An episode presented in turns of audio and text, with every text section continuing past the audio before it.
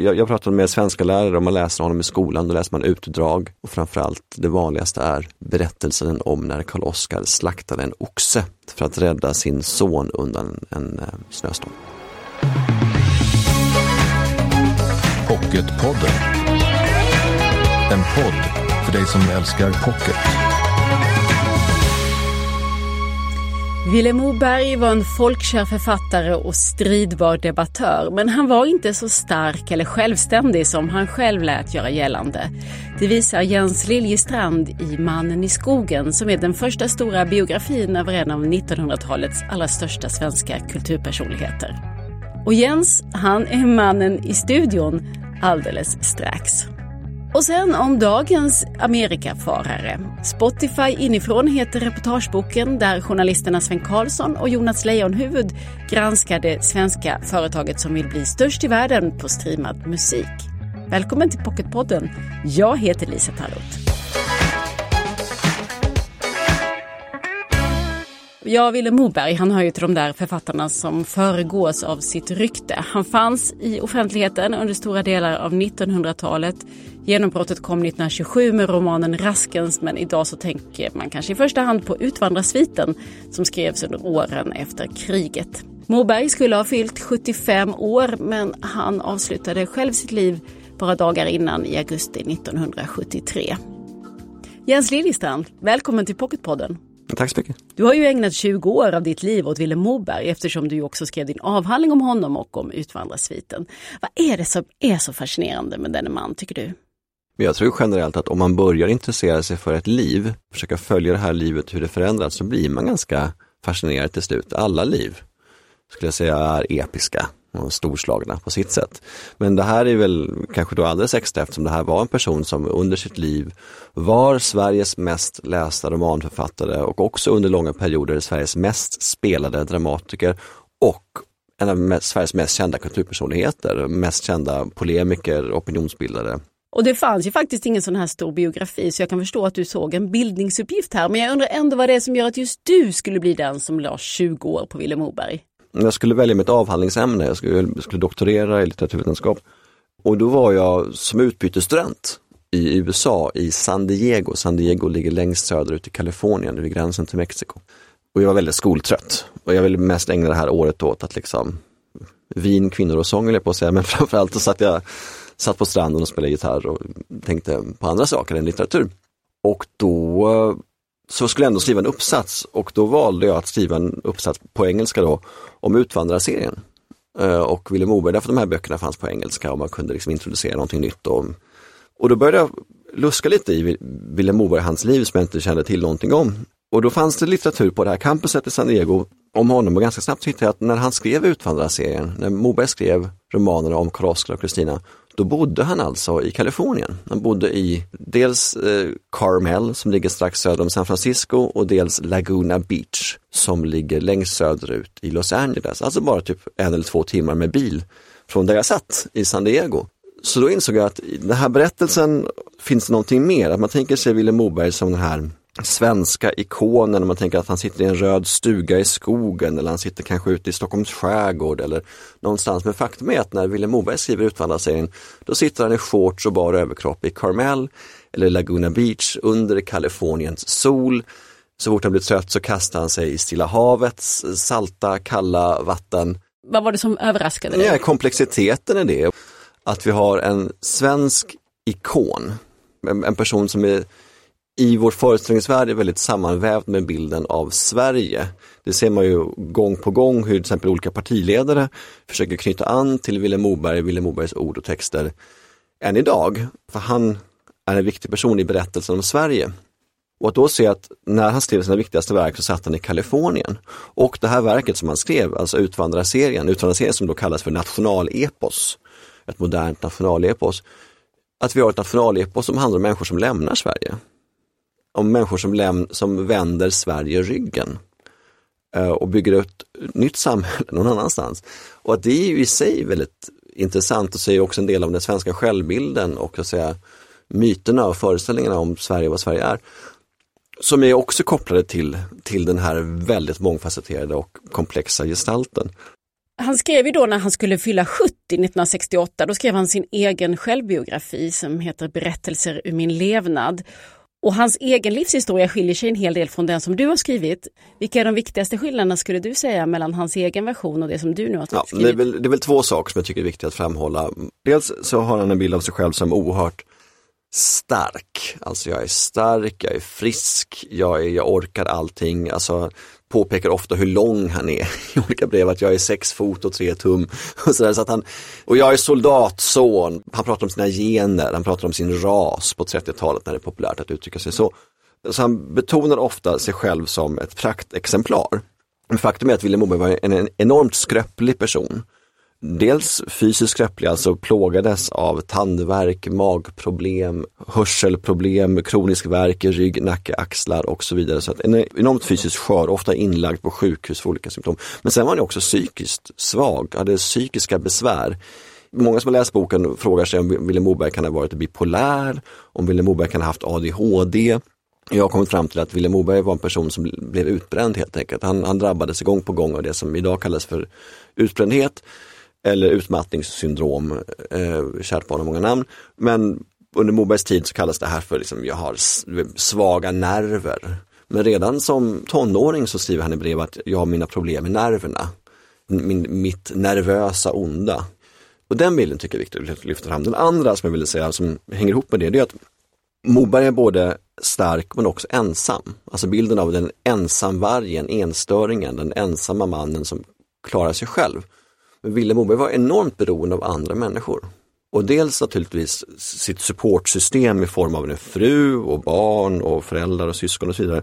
Men sen var han också enormt beroende av män, av andra män, av så att säga, homosocial tvåsamhet. Han var inte homosexuell men däremot ett enormt behov av män att liksom umgås med och tävla med och vara ute och fiska och jaga och vandra och supa och berätta historier. Och, och bekräftelse. och bekräftelse, ett enormt behov av, av gemenskap med andra och framförallt andra män. Så de två sakerna, dels att hur skröplig människan var och hur beroende av andra han var. Och det tycker du inte han har erkänt det för sig själv? Nej, när man läser till exempel berättelser ur min levnad så skriver han mycket om sig själv som ensam. När han beskriver hur han ska skriva Utvandrarserien så är det att det här är en mans verk. Verkligen att jag gick själv ensam ut och fick göra allting själv. Och så ser man, går man igenom den här, den här, den här perioden som han skriver Utvandrarserien och ser hur enormt beroende han är av sin fru, av sina barn, av sekreterare. Alla de här böckerna skrivs med hjälp av sekreterare som gör ett jättejobb och vissa av de här sekreterarna har dessutom kunskap i hur man ska arkivera saker och katalogisera saker och hjälpa honom med det här enorma materialet. Han har översättare som hjälper honom, han har vänner som hjälper honom att ta hand om korrektur och så vidare. Så att han är, det är en stor apparat kring Vilhelm Moberg som gör de här böckerna och som han nästan alltså raderar ur, ur historien. Varför tror du att han har så svårt att erkänna detta, erkänna sitt behov av hjälp och den hjälp han får? Han tyckte väldigt illa om att vara beroende av andra. Han hatar att stå i skuld till andra. Det är också fascinerande. Vilhelm Moberg var under hela sitt liv, efter sitt genombrott, så var han ekonomiskt enormt stark. Han hade jättebra ekonomi. Det är, det är faktiskt den största skillnaden mellan Vilhelm Moberg och alla andra samtida författare. Han har jättebra ekonomi.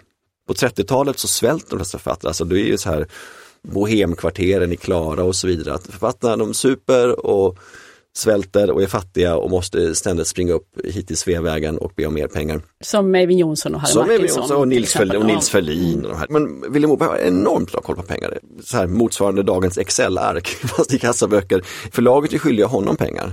Så Bonniers är skyldiga Moberg under perioder hundratusentals kronor, vilket är jättemycket pengar på den här tiden. Så han har svinbra koll på pengar och det är ju dels för att han är lite snål och om sig och kring sig, men också för att han hatar skulder. Han hatar att, vara, att någon annan ska ha liksom, eh, fordringar på honom. Och det är samma sak om man, överför det här ekonomiska till den sociala aspekten så blir det att jag kan inte vara i skuld till andra människor. Och framförallt kan jag inte er, erkänna hur beroende jag är av andra människor. En person som är jätteviktig för Utvandrarserien, Edgar Svensson, en svensk-amerikansk journalist som bodde i New York, gjorde jättemycket för Utvandrarserien. Och Moberg skriver det, det är fantastiskt allt gjort och tack så mycket och jag har varit så beroende av dig och en dag så ska folk få veta det. Men det får de aldrig. Nu vet de. Ja, nu Tack vare dig. Du vet ibland när man hamnar på sådana här organisationsutvecklingskurser så brukar det vara populärt att presentera sig själv genom att berätta tre livsavgörande händelser i ens liv. Och om Moberg skulle få den uppgiften, vilka tre avgörande händelser skulle han berätta om tror du? Jag kan säga tre saker. Eh, dels är att han ser på när hans storebror dör. Hans storebror dör vid 18 års ålder när Vilhelm Moberg är, nu ska vi säga 11. Och han är med i det rummet när brodern slutar andas. Hans älskade och enda bror slutar andas. Där hans far säger klockan är 20 över 7, Hjalmar är död. Nu får du hans klocka. Det är väldigt starkt ögonblick och det berättar Vilhelm Moberg om själv i romanen Din stund på jorden, en fantastisk bok från 1963. Så det är det första. Det andra är några år senare när Vilhelm Mobergs bästa kompisar utvandrar till Amerika.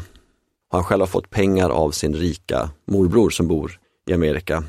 Han ska flytta till sin morbror som bor i San Leandro utanför San Francisco. Men hans mor övertalade honom att stanna. För han var deras sista son i livet och hon fick honom att stanna kvar hemma. Han, han offrade sig helt enkelt för sin mor. Och det beslutet togs när han var 18 år gammal och det var också ett, ett enormt viktigt beslut. Och det beslutet i sig fick ju sin förlösning, om man så säger, år 1948. När Moberg, nästan 50 år gammal, åker första gången till Amerika. Han tillsammans med sin familj så, så är han i Göteborg och går på båten och far över till Amerika för första gången. Och det var också, det sa han själv senare, att det var den viktigaste dagen i hans liv, när han för första gången åkte till Amerika. Och då för att påbörja arbetet med Utvandrarna? För att komma vidare, han hade redan börjat lite, men för att komma vidare med det arbetet och skriva de här böckerna, men det var också, då, så det är också starten på den, den viktigaste tiden i Mobergs liv, det är hans liv som utlandssvensk. Alltså Moberg har ju alltså 16 år av kringflackande tillvaro utomlands. Från det att han är 50 till det att han är 64 så är han i princip en person som huvudsakligen bor utomlands. Romanen Sista brevet till Sverige, avslutningen på utvandrarserien, den skrivs alltså i åtta olika länder. Vilket är intressant med tanke på hur han som död och i vår tid har kommit att hyllas som den här verkligen svenska ikonen. Så är det ju någonting helt annat vi ser där. Broderns död då, vad, vad tror du, vad, hur bar han med sig den erfarenheten? Han var enormt upptagen av döden. Han sa själv att det enda som är värt att skriva om det är kärleken och döden. Jag kan ångra allting jag skriver som inte handlar om kärleken och döden. Väldigt fint. Um, han skriver om kärleken och döden och det är det åter, de återkommande teman i hans bok är kärlek och död. Alltså döden präglar Mobergs uppväxt. Han alltså, Moberg har sex syskon varav fyra dör. Tre bröder dör, en i kikhosta, en i difteri och sen så Hjalmar och sen så en syster som dör i polio. Så att av, av sju syskon så är det tre som överlever in i vuxen ålder. Och sen så drabbas han själv av spanska sjukan som är en enorm epidemi när den drabbar Sverige och hela Europa runt 1917-1918. Enorm epidemi, vi kan inte föreställa oss, det här är en epidemi som främst drabbar yngre.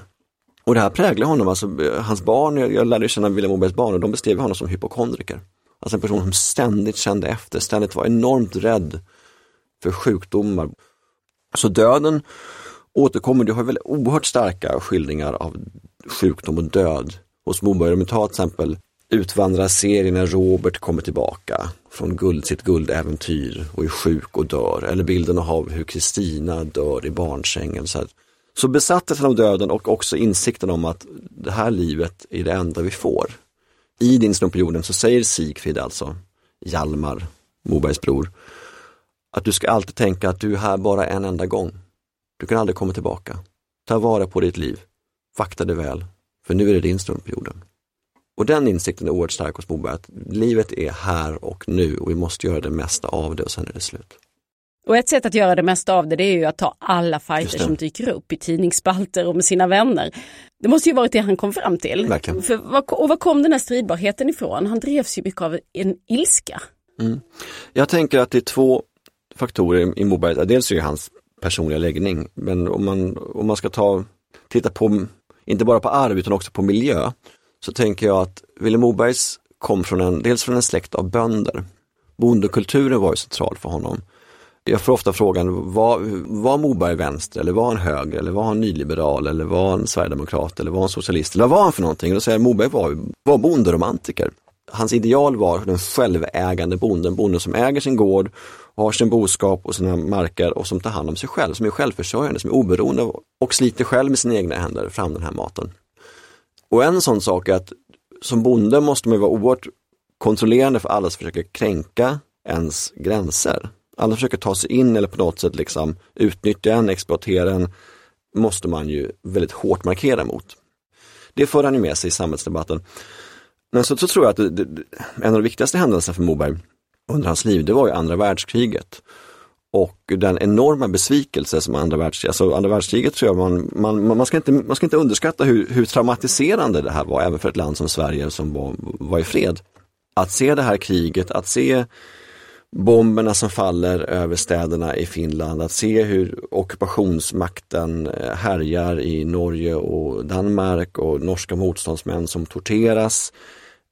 Allt det här var enormt starkt för Moberg och att då se socialdemokratin, det som han upplevde som socialdemokratins svek, att den samlingsregeringen som leddes av Per Albin Hansson, att den dels tillät den här så kallade permittenta trafiken, där tyskarna åker med soldater och krigsmateriel genom landet och dels eh, de inskränkningarna i pressfriheten eh, som görs under den här tiden, som många inte känner till idag, alltså det som på den här tiden kallas för censurlagar, det vill säga att man tystar medierna.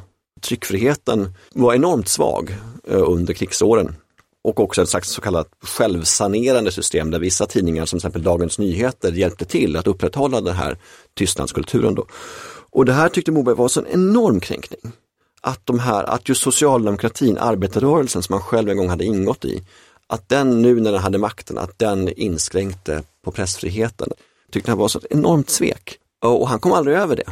Utan han kan aldrig förlåta socialdemokratin eller det svenska etablissemanget som tillät det här att hända. Till exempel han, han fortsatte vara enormt arg på Svenska Akademin för att Svenska Akademin inte hade rensat ut de tyskvänliga ledamöterna, sådana som Sven Hedin och Fredrik Böök. Den svenska offentligheten hade ett enormt behov av att vända blad och gå vidare efter kriget, men det gjorde inte Moberg. Men det är inte bara att han inte förlåter utan han ser ju det också som sin uppgift mm, att mm, vara mm, den här pinnen upp. Mm. Han säger att det, det, svenska folket måste väckas ur sin sömn. Ja, och du funderar lite grann på just hur han, hur ser Moberg på sin egen uppgift som författare? Jag tror att han ser det så här att han är ju den svenska intellektuella som har det största genomslaget under framförallt efterkrigstiden. Han är den som folk läser andra stora författare på den här tiden, Eivind Johnson, Harry Martinsson och så vidare, de har inte alls samma genomslag. Så Moberg ser själv att genom att vara så folkkär som han är, så har han också ett ansvar att upplysa folket. Men har, har det försvunnit idag, den självbilden hos författare? Jag tror, nej, jag upplever nog att på olika sätt med att författare som, ja, som Jan Guillou eller Björn Ranelid eller, eller Jonas Gardell, eller för att ta, vad ska vi ta, Jonas Hassan Khemiri eller Johannes Anioro, eller Athena Farrokhzad eh, upplever att de, att eftersom folk lyssnar på mig så har jag, har jag ett ansvar. Men det har försvunnit mycket. För 50 år sedan var det självklart att en författare som hade en stor läsekrets också hade ett samhälleligt engagemang. Det är inte samma sak idag. Nej, nej alltså tala utanför sina verk, tala utanför sina romaner eller pjäser. Ja, skriva på upprop. Alltså, mm. Det var mm. mycket upprop förr i tiden, att vi ska skriva på upprop för det ena och det andra. När gruvarbetarna strejkade i LKAB-gruvan i Kiruna 69-70, då skrev ju Moberg på ett upprop tillsammans med Cornelis Vreeswijk och Sven-Bertil Taube. Och då kan man fråga sig varför är det viktigt, varför ska folk bry sig om vad Moberg och Cornelis Vreeswijk och Sven-Bertil Taube ty tycker om gruvarbetare i Norrland. Men på den tiden så var det självklarhet att de skulle uttala sig, de skulle ta ställning. Mm. Okej, okay, för då kommer vi in på det andra spåret som jag gärna skulle vilja prata om. Du var inne på det redan att Greta har levt i skymundan, mm. hans eh, fru. Jag hörde hans dotter Eva Moberg säga i en intervju att någon gång borde ju någon säga något om mamma också. Ja. För hon var verkligen den här omistliga supporten för mm. honom mm. och för hela familjen, mm. praktiskt och intellektuellt. Mm. Hon är med lite grann, absolut, i din bok och familjen, men, men visst är det ändå, om man tänker att man ska liksom berätta om en människas liv på 700 sidor, så är ju familjelivet väldigt nedtonat. Ja, då har jag en, det är den mest återkommande kritiken mot min bok, att de är med så lite. Och dels så är det för att jag någonstans har velat respektera att Mobergs familj var inte offentliga personer, de ville inte vara offentliga personer och själv så värnade han deras integritet väldigt stort. Men det finns också väldigt lite. Lite material? Ja, alltså hon sparade ju hans brev så att jag har ju tillgång till alla Vilhelm Mobergs brev till sin fru Greta. Men hennes brev till honom, de är borta. Jag tror han brände upp dem eller de försvann eller så var det hon som förstörde dem efter hans död, jag vet inte. Men, så att det är en envägskommunikation i, i arkiven så att säga. Så det går ju inte att veta så mycket. Men sen var han ju också en, på det sättet att mycket av, han rörde sig väldigt mycket på egen hand genom världen. Det var ju, på, på, på den tiden så var det självklart att även fast jag har fyra eller fem barn så ska jag kunna när som helst lämna hemmet och bosätta mig på ett pensionat i Norge i fem veckor för att skriva min bok. Eh, och det var på något sätt helt självklart att han skulle ha den friheten. på den här tiden så förväntades inte män ta någon som helst ansvar för familjebarn utöver, utöver ekonomisk försörjning. Mm. Du skriver en del också om hans kvinnosyn. Mhm. Hur såg han på kvinnor? Där finns det ju olika bilder och det är intressant. När jag pratade med hans, hans dotter Eva Moberg, Eva Moberg var ju en, en pionjär inom den svenska feministiska rörelsen med sin, till exempel sin, eh, sin berömda skrift eh, Kvinnans villkorliga frigivning som är så här milstolpe i den svenska kvinnorörelsen. Uh, när kom den? 62 tror jag. Men, uh, Och den avfärdade pappa Wilhelm? Nja, han skrev så här att ja, min, min galna dotter hon har tänkt att nu ska hon avskaffa patriarkatet och införa matriarkat. Jag tror inte att han förstod feminismen, men han förstod att det var någonting kaxigt, någonting som var i opposition mot det rådande och det gillade han, det tyckte han var häftigt. Så det är den ena sidan, den andra sidan att han var enormt konservativ i sin syn på på kvinnor, eh, inte minst på kvinnor som intellektuella. Han skriver att de allra flesta kvinnliga författare borde hellre vara, hotellstäderskor eller kallskänkor. Där de skulle ha rikare möjligheter att lyckliggöra män. Men han kunde erkänna, det finns några få kvinnliga författare som ändå är, kanske borde fortsätta skriva. Men sen har jag samtidigt också till exempel i den här väldigt så att säga, biologistiska synen på män och kvinnor som väldigt olika, finns ju också, också synen på att kvinnor har ett högre moraliskt mod. Och det är också en, en djupt traditionell naturligtvis syn på kvinnan som bärare av en moral. Men tycker du att det är, för det, till exempel på 30-talet, då skriver han ju rakt upp och ner till sin då älskarinna dessutom, att, han, att detta är hans åsikt, att kvinnor är lägre stående än män. Ja. Och jag bara funderar på, samtidigt säger vi att han är vår mest folkkära författare och han är så otroligt läst. Och du skriver också hur läst och älskad han är av kvinnor just. Verkligen. Hur går det här ihop? Hur har han liksom kunnat komma undan med detta? Ja, se- Kvinnohat som jag- det till viss del är. se på Strindberg, hur han kommit undan. Mobergs personliga åsikter, de kommer inte fram lika tydligt i hans böcker och det är för böckerna som han är älskad. Ska man komma ihåg att kvinnoporträtten i till exempel Utvandrarserien, porträttet av Dels Kristina, Kristina som är just den här moraliskt högre stående varelsen som genom fyra böcker lider och gör enorma uppoffringar för sin familj och är enormt fint skildrad. Dels henne, men dels också Ulrika i Västergöl, den bespottade, stigmatiserade sockenhoran som tar revansch på, hela, man, på, på hela samhället genom att utvandra och gifta Men det sig. är ju hora och madonna Ja, uppdelningen. men, ja, fast, som, ja, fast de flesta läsare upp, upplever ju det här som fantastiska kvinnoporträtt. Men det är ju intressant att man kan vara så otroligt känslig för eh, överhöghet, Mm. för auktoriteter, för förtryck som han är. Men inte, inte se den brist på jämställdhet som man har runt omkring sig mellan män och kvinnor till exempel. Nej, absolut. Nej, men alltså Moberg är ju, och det är det som också gör honom fascinerande, att han är både konservativ, konservativ på ett sätt och progressiv på andra sätt. Man läser ju en biografi för att komma nära en människa. Mm. Och för att spegla sitt eget liv, tänker jag. Och lära sig någonting om sig själv verkligen, också. Verkligen. Så vad har du lärt dig? Jag har lärt mig jättemycket av Vilhelm Moberg, jag har lärt mig om arbete, jag har lärt mig om kärlek, jag har lärt mig om politik. Men det starkaste jag har med mig, det är betydelsen av vänskap. Betydelsen av vänskap i människans liv. Att man, man, jag tror att vi alla, inte minst i vår tid, tenderar att glömma bort det. Vi, vi matas med att vi ska prioritera våra familj och våra partners och det, det ska vi absolut göra och ta hand om våra barn och så vidare, det är jätteviktigt. Men att vårda vänskap när jag skrev om hans liv som gammal, hur beroende han var av sina gamla vänner, de som funnits med från början, hur viktiga de var. När, när, när det nästan inte finns någonting kvar i livet så skriver han fortfarande att kan inte vi ses? Kan inte du och jag träffas tillsammans med våra fruar? Kom till vårt landställe och så ses vi och tillbringar några dagar tillsammans och talar om livets väsentligheter. Att en sista gång få träffa sin kompis och tala om livets väsentligheter, det är det som finns kvar. Och det har jag tagit till mig, så jag, efter att jag har skrivit den här boken så har jag, jag och en av mina närmsta vänner har börjat göra det, att vi en gång varje sommar så ses vi några dagar och vandrar eller går i fjällen eller något sådär och sen så talar vi om livets väsentligheter. Du skriver om den tomhet han kände när han hade avslutat Utvandrarsviten efter 12 år. Hur har du det själv nu? Jag har det jättebra. Med Moberg. Jag har jättebra. Jag håller på med en ny bok och känner att jag, jag får ofta frågan om jag är trött på Moberg. Och jag säger att nej, jag är inte trött på Moberg, men jag är klar. Jag har inget sug efter att lära mig mer. Jag har inget behov av att kunna mer eller skriva mer för en del om Vilhelm Moberg. Men jag är glad för det jag gjort. Att jag känner att jag avslutade på ett bra sätt. Mm.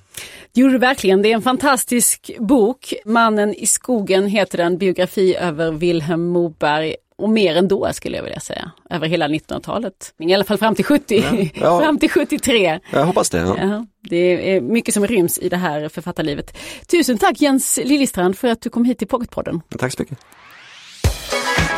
Du lyssnar på Pocketpodden Ja, apropå Amerikafarare så ska det nu handla om Spotify, det svenska företaget som satsar på att bli störst i världen på streamad musik och som ju har etablerat sig i USA. Men hur har vägen dit sett ut? Det har journalisterna Sven Karlsson och Jonas Leijonhufvud undersökt och resultatet är reportageboken Spotify inifrån. Martin Ahlström, du är kommunikationsstrateg på Albert Bonniers förlag och du har ju arbetat med den här boken. Och apropå kommunikationsstrategier då, tror du att det här är en bok som passar in i Spotifys egen plan? Ja, men det har väl varit som så att de har ju inte riktigt eh, velat vara med eh, i skrivandet av boken. Så att många av de intervjuer som är gjorda är gjorda med före detta medarbetare. Kanske någon som har funnits där inne, kanske några som har, finns runt omkring. Men just grundarna själva har då inte eh, ställt upp i den här boken och, och, det är väl en liten fingervisning skulle jag vilja säga. Ja, för det vi vet om Spotify är ju i mångt och mycket att det är en framgångssaga och grundaren Daniel Ek är ganska bra på att berätta den själv. Men eh, ger den här boken en annan bild av det här företaget?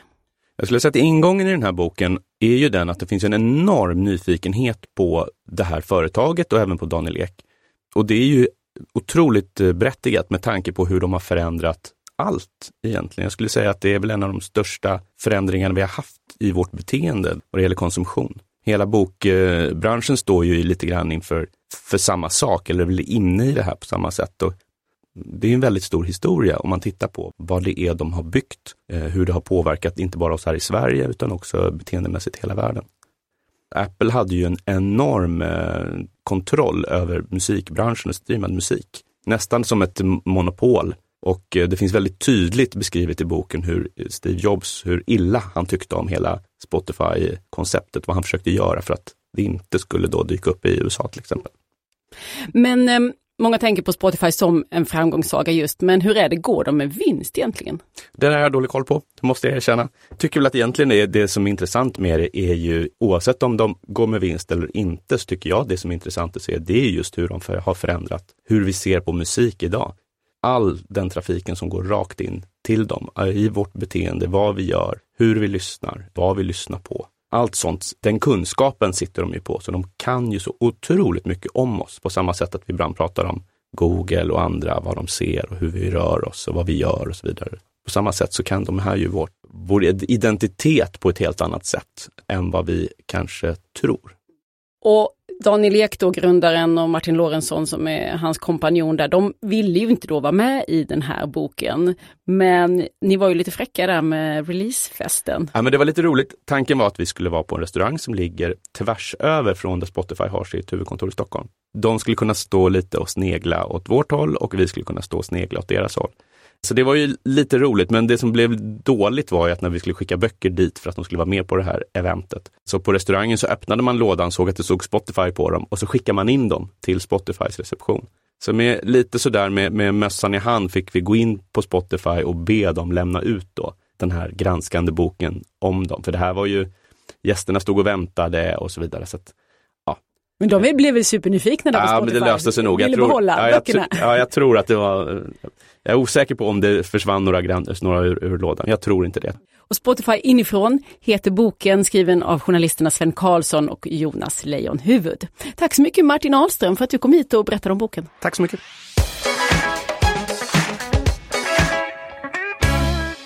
Det här var årets sista avsnitt, för vi står ju på tröskeln till ett nytt kapitel, ett nytt år och nästa fredag är vi redan inne i 20-talet.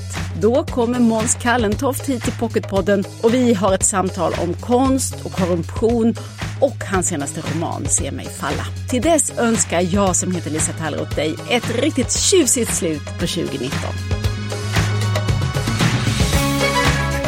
Du har lyssnat på Pocketpodden en podd från Bonnierförlagen.